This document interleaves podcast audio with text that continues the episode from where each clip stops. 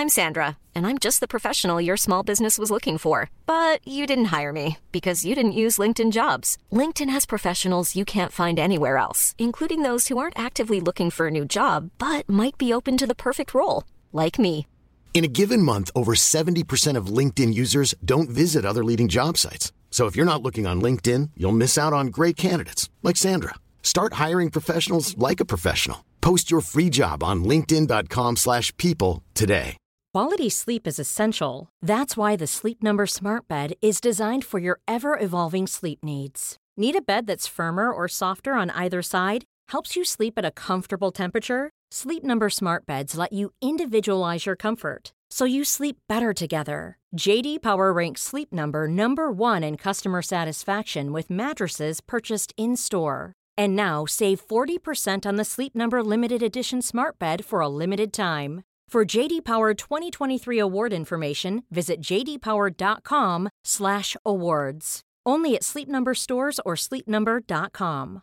Mother's Day is around the corner. Find the perfect gift for the mom in your life with a stunning piece of jewelry from Blue Nile. From timeless pearls to dazzling gemstones, Blue Nile has something she'll adore. Need it fast? Most items can ship overnight. Plus, enjoy guaranteed free shipping and returns. Don't miss our special Mother's Day deals. Save big on the season's most beautiful trends. For a limited time, get up to 50% off by going to BlueNile.com. That's BlueNile.com. Få förändring att hända och chefen att hålla. Det finns mycket forskning och studier på hur viktig ledarrollen är, både för hur medarbetarna mår, men också för hur organisationen går. Och Det är en roll där det pratas väldigt mycket om att ge. Man ska ge förutsättningar, ge uppmärksamhet, ge feedback, ge tydlighet och så vidare. Och Ibland kanske det kan kännas som att en ledarroll ska vara som en aldrig sinande källa av både coaching, styrning och stöd för att organisationens humankapital ska driva verksamheten framåt. Men chefen är väl också en människa? Mm. Det kan vi tänka ibland när vi sitter här och pratar, att vi pekar på cheferna och ledarna och de ska väldigt mycket. Men det håller ju inte. Nej. Så eh, i de här tiderna pratas det mycket om förändring. Ständig förändring som eh, både innebär möjligheter och utmaningar. Och den typen av ledarskap kräver någonting helt annat. För man kan ju inte bara ge och ge. Man kan inte ge mer tid och inte bara fokusera på att finnas för medarbetarnas behov. Man måste också hitta ett sätt att hålla själv. Samtidigt som man helst då får energi av de ansträngningar man gör. Och Det här ska vi prata om idag med Frida Lund, som har jobbat med förändringsledning i ja, ungefär 20 år och skrivit en bok om det här. Cirkulärt ledarskap. Får förändring att hända och chefen att hålla.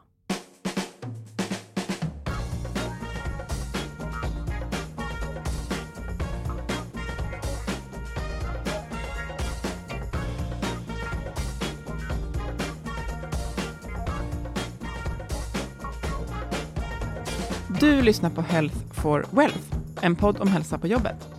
Trots att vi får det bättre och bättre mår många av oss bara sämre. Men så kan det ju inte fortsätta. Och därför tar vi reda på hur företag och organisationer kan bygga långsiktig hälsa och lönsamhet. Och börjar vi på jobbet sprider det sig ofta även till resten av livet. Vi är Ann-Sofie Forsmark och jag driver företaget Formstark Resiliens. Och Boel Stier, copywriter. Lyssna på oss för nya insikter varje vecka för dig som är chef, ledare, jobbar med HR eller är medarbetare. Vår partner Twitch Health, de, vi har pratat om idag om att vi ska, man ska hålla och det brinner Twitch Health också för, både på och eh, utanför jobbet.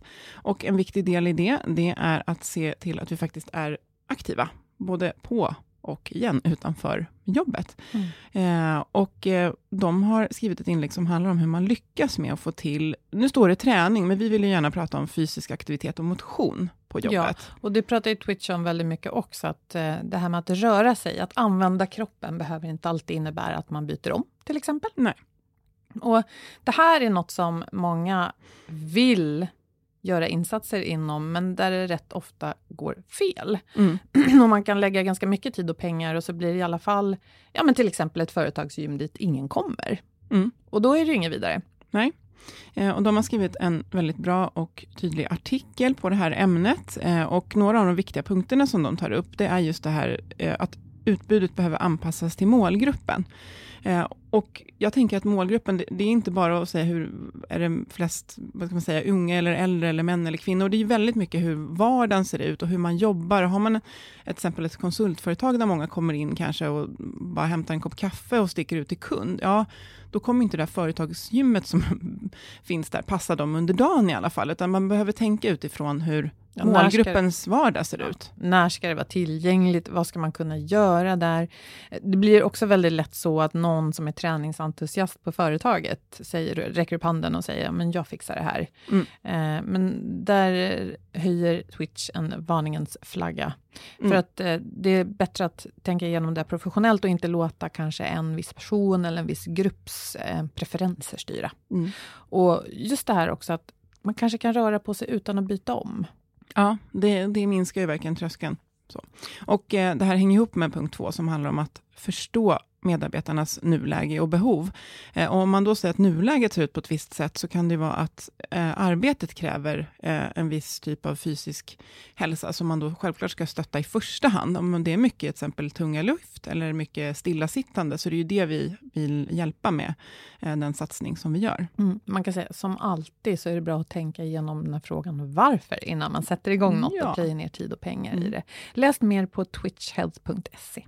Nu välkomnar vi dig hit, Frida Lund. Välkommen! Du är Head of People and Culture på konsultbolaget Curamando. Och så har du varit försäljningsdirektör i Schibsted-koncernen och VD för mediebyrån PHD, PhD, säger man så? PhD. Ja. Och tidigare i år kom du ut med en bok som heter Cirkulärt ledarskap. Den boken hämtar delvis sitt stoff från dina egna upplevelser som chef. Vad var det du kände att du ville berätta? Jag har eh, jobbat länge i mediebranschen. En av de branscher som väldigt tidigt stod inför en stor omställning i och med digitalisering, globalisering och det finns väldigt mycket lärdom och erfarenheter från den resa jag har gjort och vad den branschen har gått igenom som jag tror att många företag fortfarande precis, precis är i början utav. Och, och vad, vad, vad händer med cheferna i ett sånt här, eller när man är under ett sånt här förändringstryck? Det kan ju vara tufft att vara ledare oavsett. Jag pratar om den här klassikern, man kläms mellan ledningsgrupp och medarbetare som mellanchef och här kommer det ytterligare lager på ledarskapet. Och det gäller verkligen att eh, ta hand om sig själv och stå stark för att inte vackla och dras med i det här enorma förändringstempot som är ibland. Jag tänker att, att man ofta, eller jag ofta tänker på en chef som någon som ska veta och visa och vägleda. Och när ingen riktigt vet vart man är på väg, eftersom framtiden är lite osäker, liksom, vad händer då? Ja, det är en jättespännande fråga. Det går ju inte att säga vad som händer framåt idag, eller det är betydligt svårare, det är mer komplext. Men bara för det så får vi ju inte tappa en tydlighet i, i företagandet. Jag tror ibland att när du inte tar hand om dig som chef och orkar så tappar vi också den här tydligheten. Då blir det extra tufft att vara medarbetare i, i ett företag som, som ställer om. Och jag tänkte koppla lite till, för jag har ju jag har läst boken för det första, och du, nu pratade du om din bakgrund i mediebranschen, men jag gör verkligen reflektionen att det du skriver berör alla branscher. Alltså det passar verkligen för vilken chef som helst i vilken typ Absolut. av organisation. Eh, men du är ju uppväxt på ett lantbruk, på en bondgård, och du gjorde lite kopplingar till det när, du, när jag hörde dig föreläsa om boken. Hur, vill du berätta om den kopplingen? Ja, det blev eh, en koppling som för mig faktiskt kom efterhand när jag hade skrivit boken. Jag är uppvuxen på ett väldigt cirkulärt sätt där vi hade en naturlig form av, eh, ja, form för återhämtning, kontinuitet, som till exempel årstiderna förde med sig. Mm. Man eh, ägnade vintern åt att eh, planera, förbereda sig inför året. Sen blev det en intensiv vår, sommar. Hösten fick tid för eh, en annan typ av verksamhet och så återigen vinter och, och vila. Eh, och på ett lantbruk så går det inte att nyttja mer än vad jorden har att ge, för det biter en så tydligt i, i svansen. Mm. Det där ser vi inte idag när vi lever uppe i våra huvuden och är en väldigt abstrakt värld.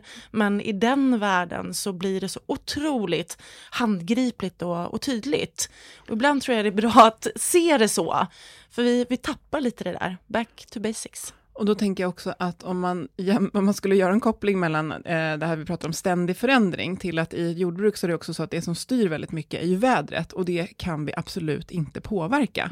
Mm. Eh, så det, det är ju lite likt på det sättet också, att du behöver förhålla dig till det som händer runt omkring och agera på det som gäller. Så att, ja, jag tyckte det var en väldigt fin koppling. Och jag kan lä lägga till där, för jag, jag tänker också att Ska vi orka så kan vi inte jobba mot de här förutsättningarna som vi befinner oss i. Det handlar om att jobba med förutsättningarna och då blir det ibland någonting som vi kan ha väldigt svårt för. Man får ta ett steg tillbaka, låta saker ha sin gilla gång, låta saker ha sin tid eh, och mer orka stå och se vad som händer istället för att bara göra, göra, göra, göra. Mm. Full aktivitet. Eh, att våga vara i förändring, det är nog det svåraste vi kan göra. Men också det viktigaste tror jag, för då blir vi mer klarsynta som, som chefer. Och vi håller längre, för att när vi väl agerar så gör vi det i medvind och inte motvind. Det, det, det låter som att du pratar om nu, det är eftertanke och reflektion ganska mycket. Absolut. Eh, jag tänker att det kan väl vara värt att, stanna till lite vid det här begreppet cirkulärt. För som jag förstår är det någonting som används mer och mer kopplat till det här med hållbarhet. De flesta av oss har insett att vi håller på att förstöra vår planet och förutsättningen för liv på jorden. Och då istället för att, som du säger, då, göra slut på resurser som vi egentligen inte har, eh, försöka både nyttja på ett smart sätt och liksom återföra till den här planeten så att vi, så att vi håller i längden, eller hur? Så jag tänker så här, cirkeln som eh, symbol då istället för någon slags linje som bara försvinner ut i någonting okänt.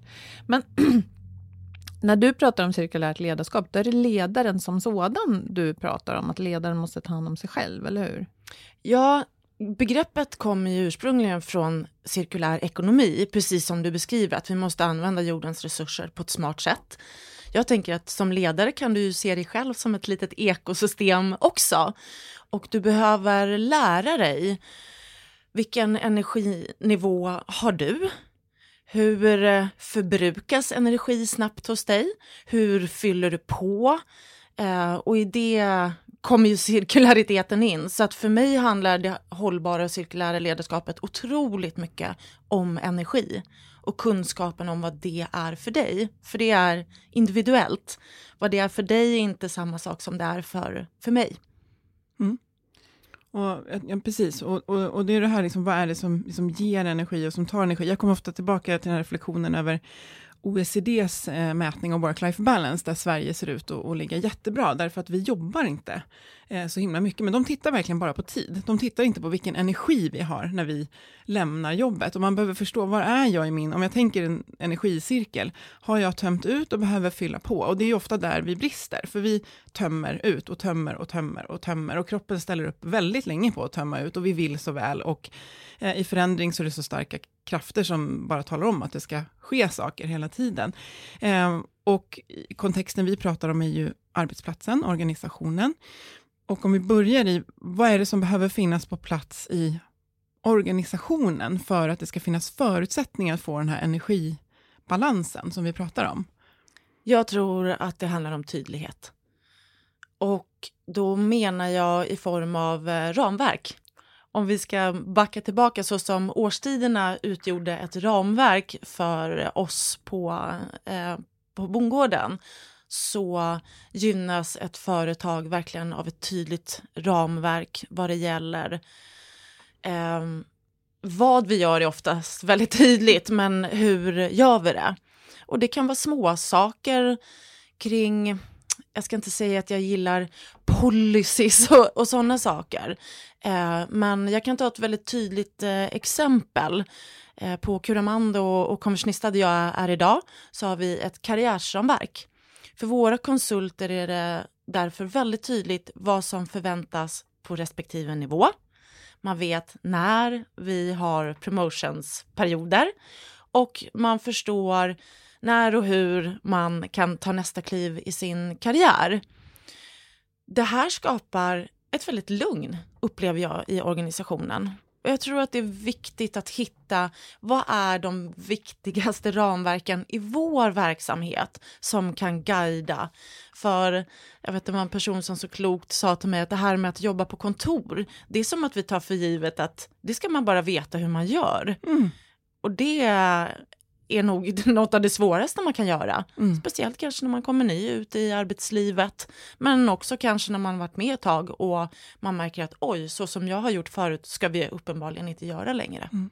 Jag tänker de här ramverken du beskriver, de eh, tänker jag det är väldigt viktigt att de sätts, eh, alla kanske inte kan agree, liksom hålla med om dem, men att de behöver vara väldigt tydliga, för det gör ju också att man kan se att ja, men det här ställer jag inte upp på till exempel. Men eh, det är väldigt viktigt vilka som sätter dem. Eh, vilka är det som bör sätta de här ramarna? Och liksom, det blir lite, lite ordningsregler också, låter det som. Eller? Ja, ja. Mm. vi har ju också en foundation, det är mm. våra ordningsregler. Hur ska man agera som konsult hos oss? Mm. Men jag tänker att det här måste ju komma med ärlighet och transparens och någonting i vårt fall så kommer det från våra ägare och, och grundare. Mm. Att så här tror de att man framgångsrikt driver ett bolag. Jag vet också, jag hade en diskussion med en person som jobbade i en global, otroligt säljorienterad organisation.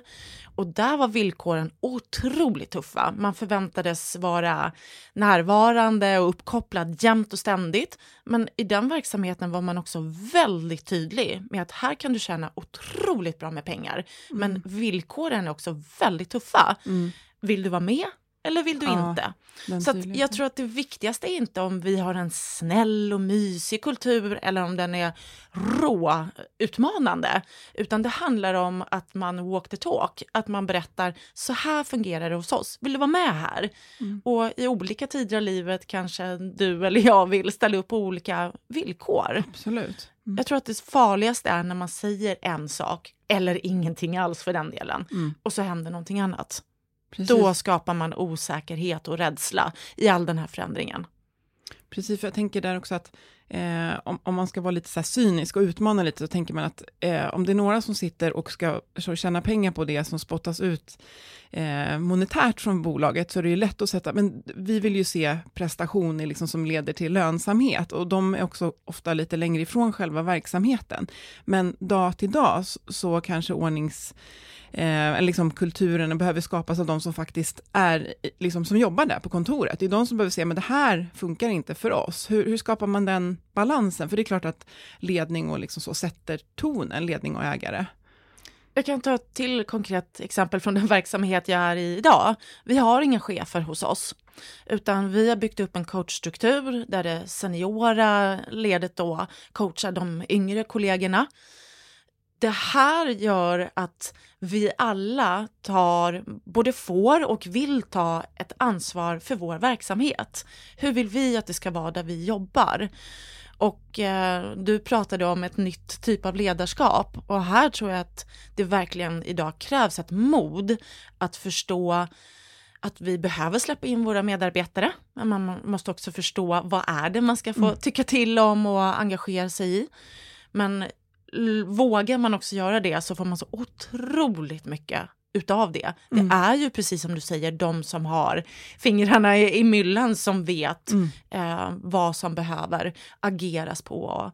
Det här kan man göra genom eh, undersökningar med en tredje part för att ta temperaturen på organisationen. Men väldigt mycket handlar det också om ett närledarskap, att det seniora eh, ledet eh, är verkligen ute i organisationen och lyssnar. Jag tror det är det viktigaste du kan göra idag. Mm. Lyssna. Mm. Eh, jag har eh, inte läst din bok, men däremot har jag läst eh, lite artiklar om det och jag vet att du hade själv erfarenheter där människor i din närhet sa att du kan inte hålla på så här? Vad var det som, vad var det som gick snett då när du inte var hållbar? Ja, jag drogs med i det här linjära ledarskapet där aktivitet, hastighet och prestation blev det mest centrala. Och mitt verktyg, och det här är ju ett mönster hos mig som jag tror finns hos många, blev att när det blev utmanande eller lite tufft så var min lösning att lägga i en växel till.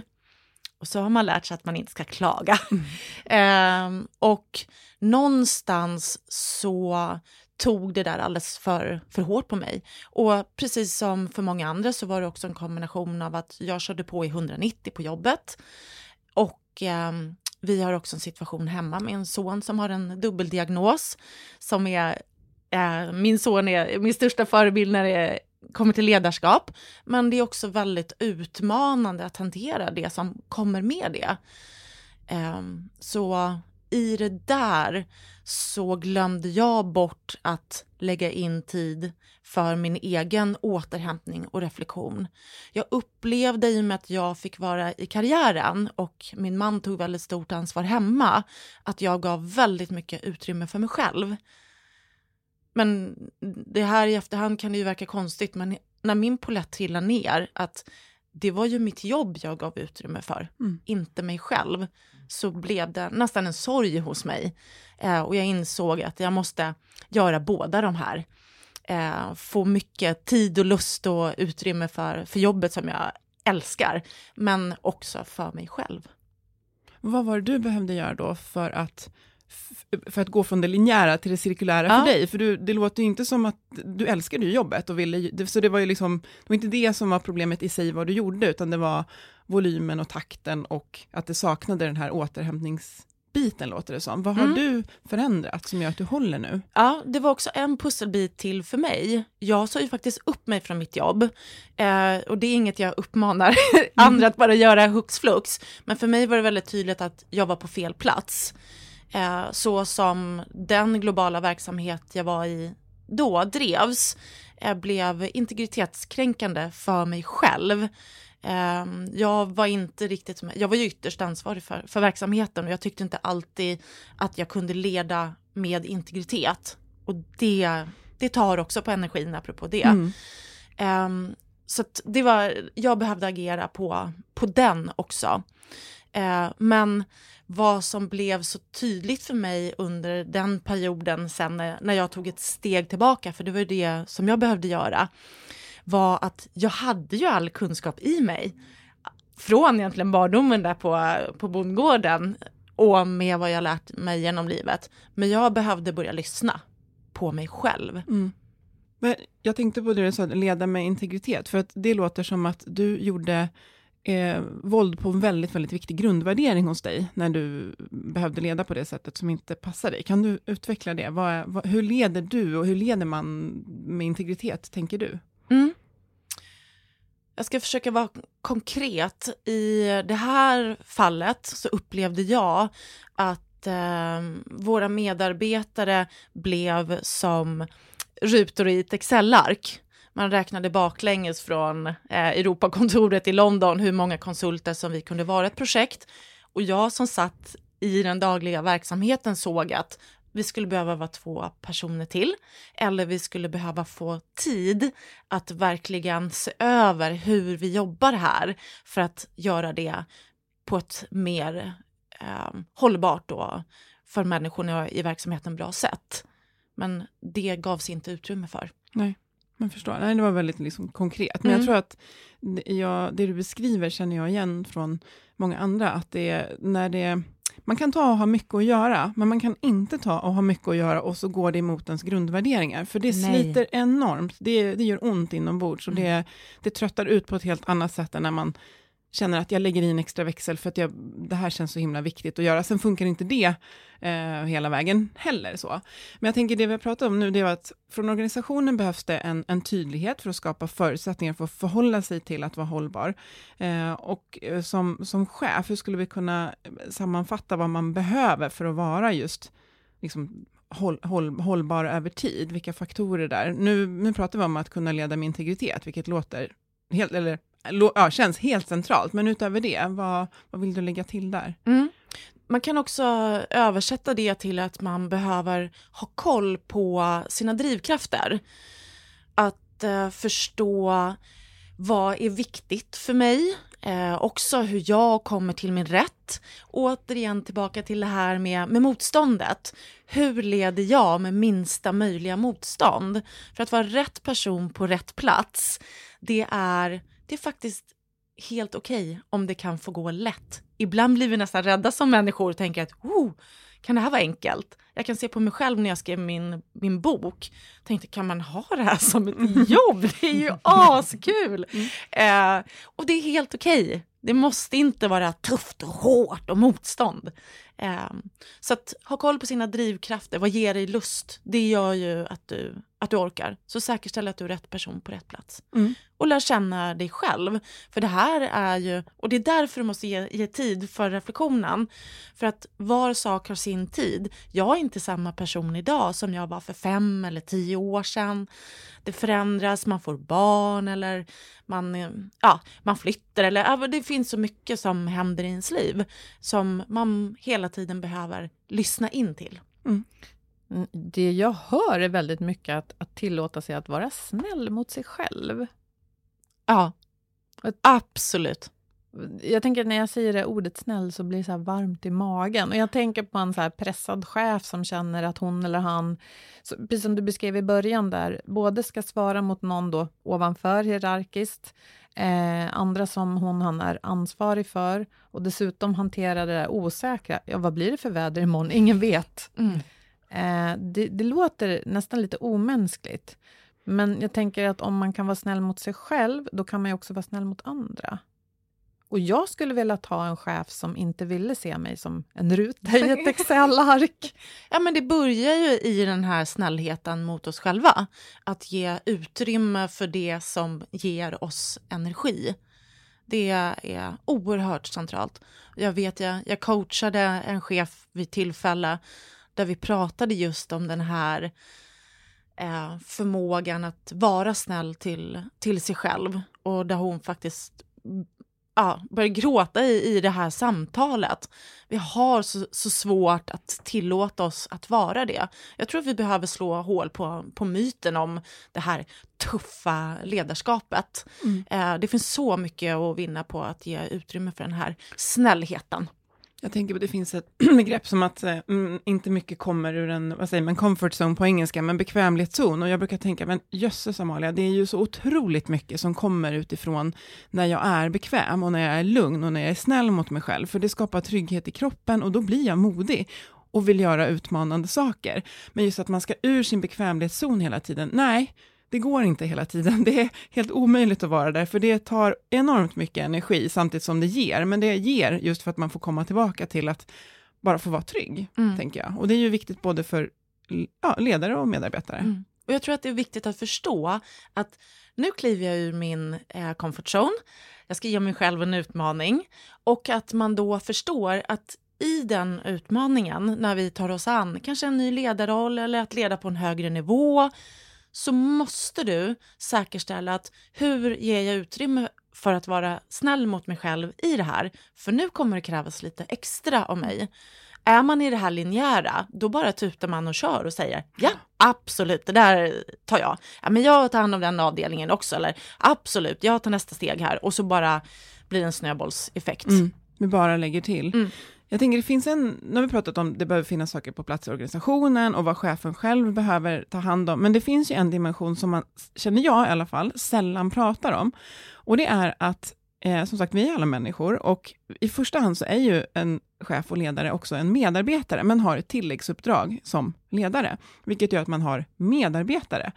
Och jag tycker det är intressant att prata om, vad har vi som medarbetare för både alltså, liksom möjlighet och skyldighet för att faktiskt stötta vår chef och ledare att göra ett bra jobb? För det jag märker många gånger, det är ju att de vill vara väldigt bra ledare, men har till exempel för många eh, medarbetare att hålla koll på. Rent geografiskt är man långt ifrån varandra, så att grundförutsättningarna kan vara ganska svåra.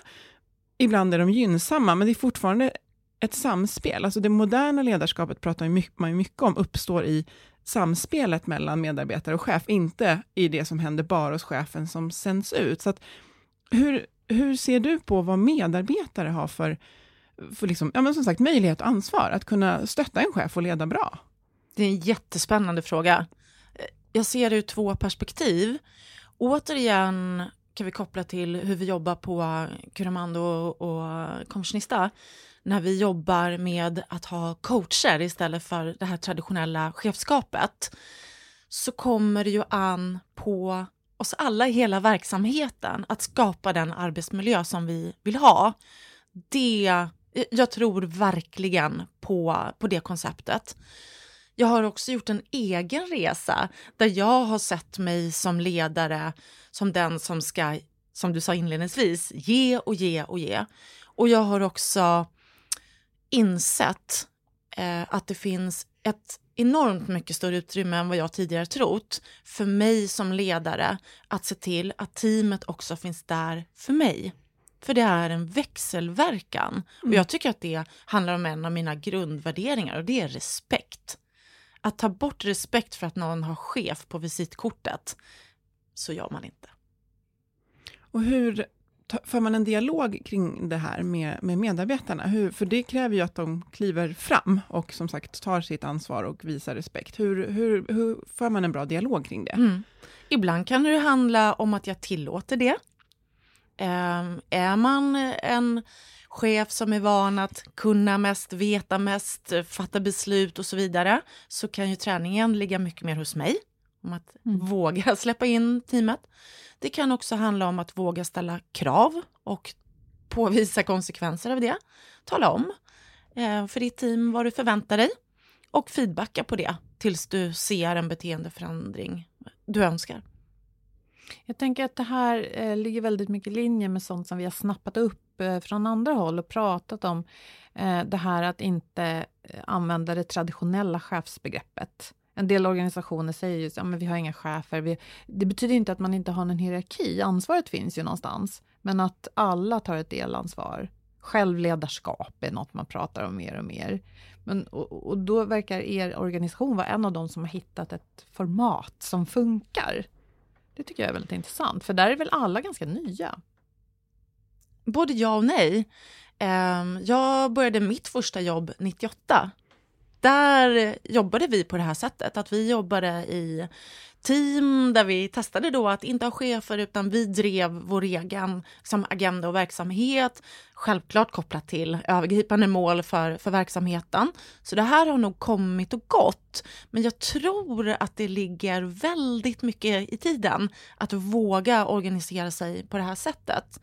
Det är utmanande ibland för viss typ av verksamhet, men jag tycker ändå att det finns exempel idag som påvisar vilken styrka det finns i det. Men då kan man snacka ofta om ett modigt ledarskap som krävs. Men det är ju också, tycker jag, du blir så fantastiskt glad när du ser utfallet utav det och vilken enorm eh, kraft och kapacitet det finns i människor om man vågar låta den eh, komma fram. Jag tänker på, vi har haft eh, Tenant Partners VD Torbjörn Eriksson här och han, han säger det att vi, vi har aldrig behövt, för de jobbar också med det här med mycket självledarskap och vi har gett några exempel på, eller han har fått ge exempel på hur det funkar hos dem. Han säger vi har aldrig behövt mer ledarskap idag, eh, men vi behöver jobba med det på ett, på ett nytt sätt och det låter det som att ni gör. Och det, hur länge har ni jobbat så? För du har inte varit på Curamando, hur länge har du varit? Ett och ett halvt år. Ett och ett halvt år. Ja, mm. Hur länge har ni jobbat på det här sättet? Uh, nu har ju verksamheten ändrat form och skepnad väldigt mycket. Vi grundades 2012 då, man ser till Curamando, uh, som är moderbolaget hos oss. Och uh, idag är vi 200 personer, eller lite drygt 200. Så att det har ju varit i olika form som sagt var, men det har ju funnits med som en röd tråd hela vägen. Mm. Och vi pratar istället om ett närledarskap. Så runt en medarbetare idag så har du din coach. Eh, när du jobbar som konsult så har du en kontoansvarig som finns nära dig i det dagliga och operativa.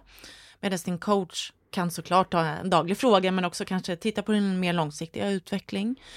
Och vi har ju också en People and Culture-organisation som finns som ett ytterligare stöd. Kommer du in som helt nyutexaminerad så har du en buddy som går bredvid dig.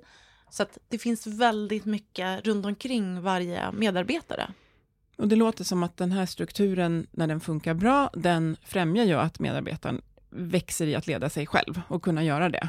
Eh, med hjälp av coach då och eh, kontoansvarig, eh, jag tänker så här projekt, lite projekt, ja på det ja. uppdrag, ja. Och sen också det som du beskriver som people and culture, som jag tolkar lite som HR-funktion, men vi, vi pratar mer om people and culture nu för tiden, för det är så, det är så centralt med kulturen. Så. Ja. Mm. Och sen så i kombination då med det här väldigt tydliga karriärsramverket, att mm. jag vet vad förväntas av mig på den nivå som jag är idag och hur förväntas jag driva min utveckling framåt? Så det är inte så att du behöver gissa dig till vad är självledarskap här och vad ska jag uppnå?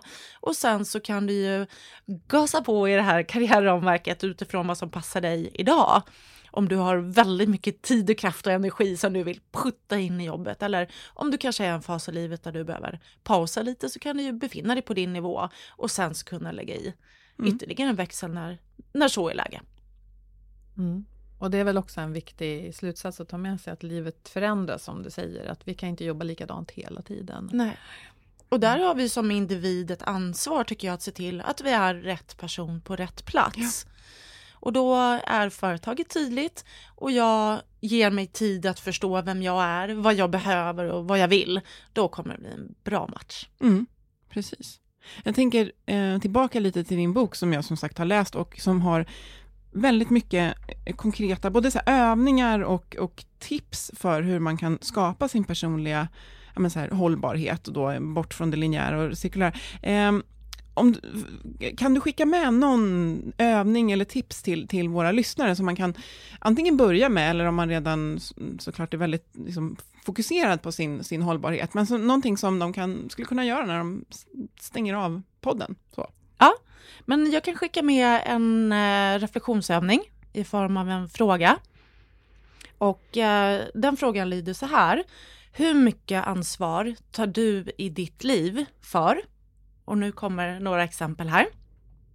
Först och främst ditt arbete, dina närmaste, dina relationer, matvanor, motion, känslor, personliga utveckling och att du fyller på med livsenergi. Ah. Och så vill jag att du drar ett streck här på en skala från 0 till 100. Hur mycket tar du ansvar, eh, hur mycket ansvar tar du i ditt liv för de här respektive olika delarna? Och sen kommer du att tydligt se om det tippar över ovan till mm. eller i botten av de här frågorna du har skrivit längst mm. För de övre, de handlar mer om mitt professionella jag och det jag presterar i min yrkesroll och de undre, det handlar mer om mitt man säger, privata jag och mig och mina nära relationer. Mm. Mm. Och den här livsenergin i, i botten och grunden som behövs oavsett om du är i ditt privata liv eller, eller på jobbet. Mm. Jag, jag tänker så mycket idag på att vi måste låta livet ta plats och då menar jag både i privatlivet men självklart även på, på jobbet.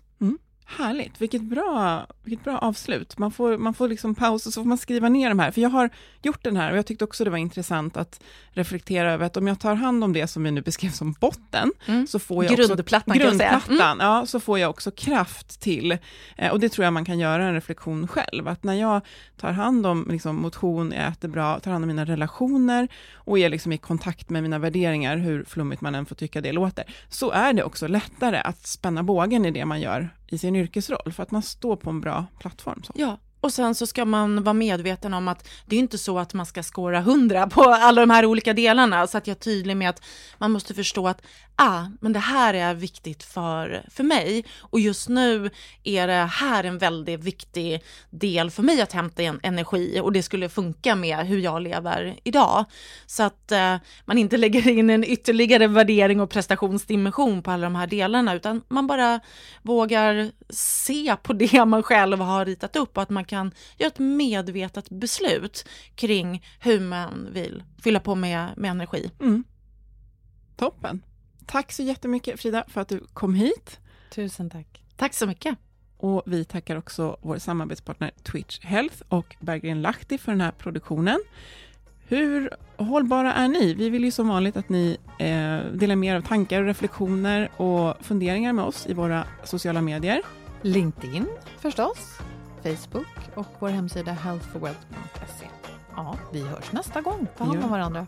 Må så gott. Hej då!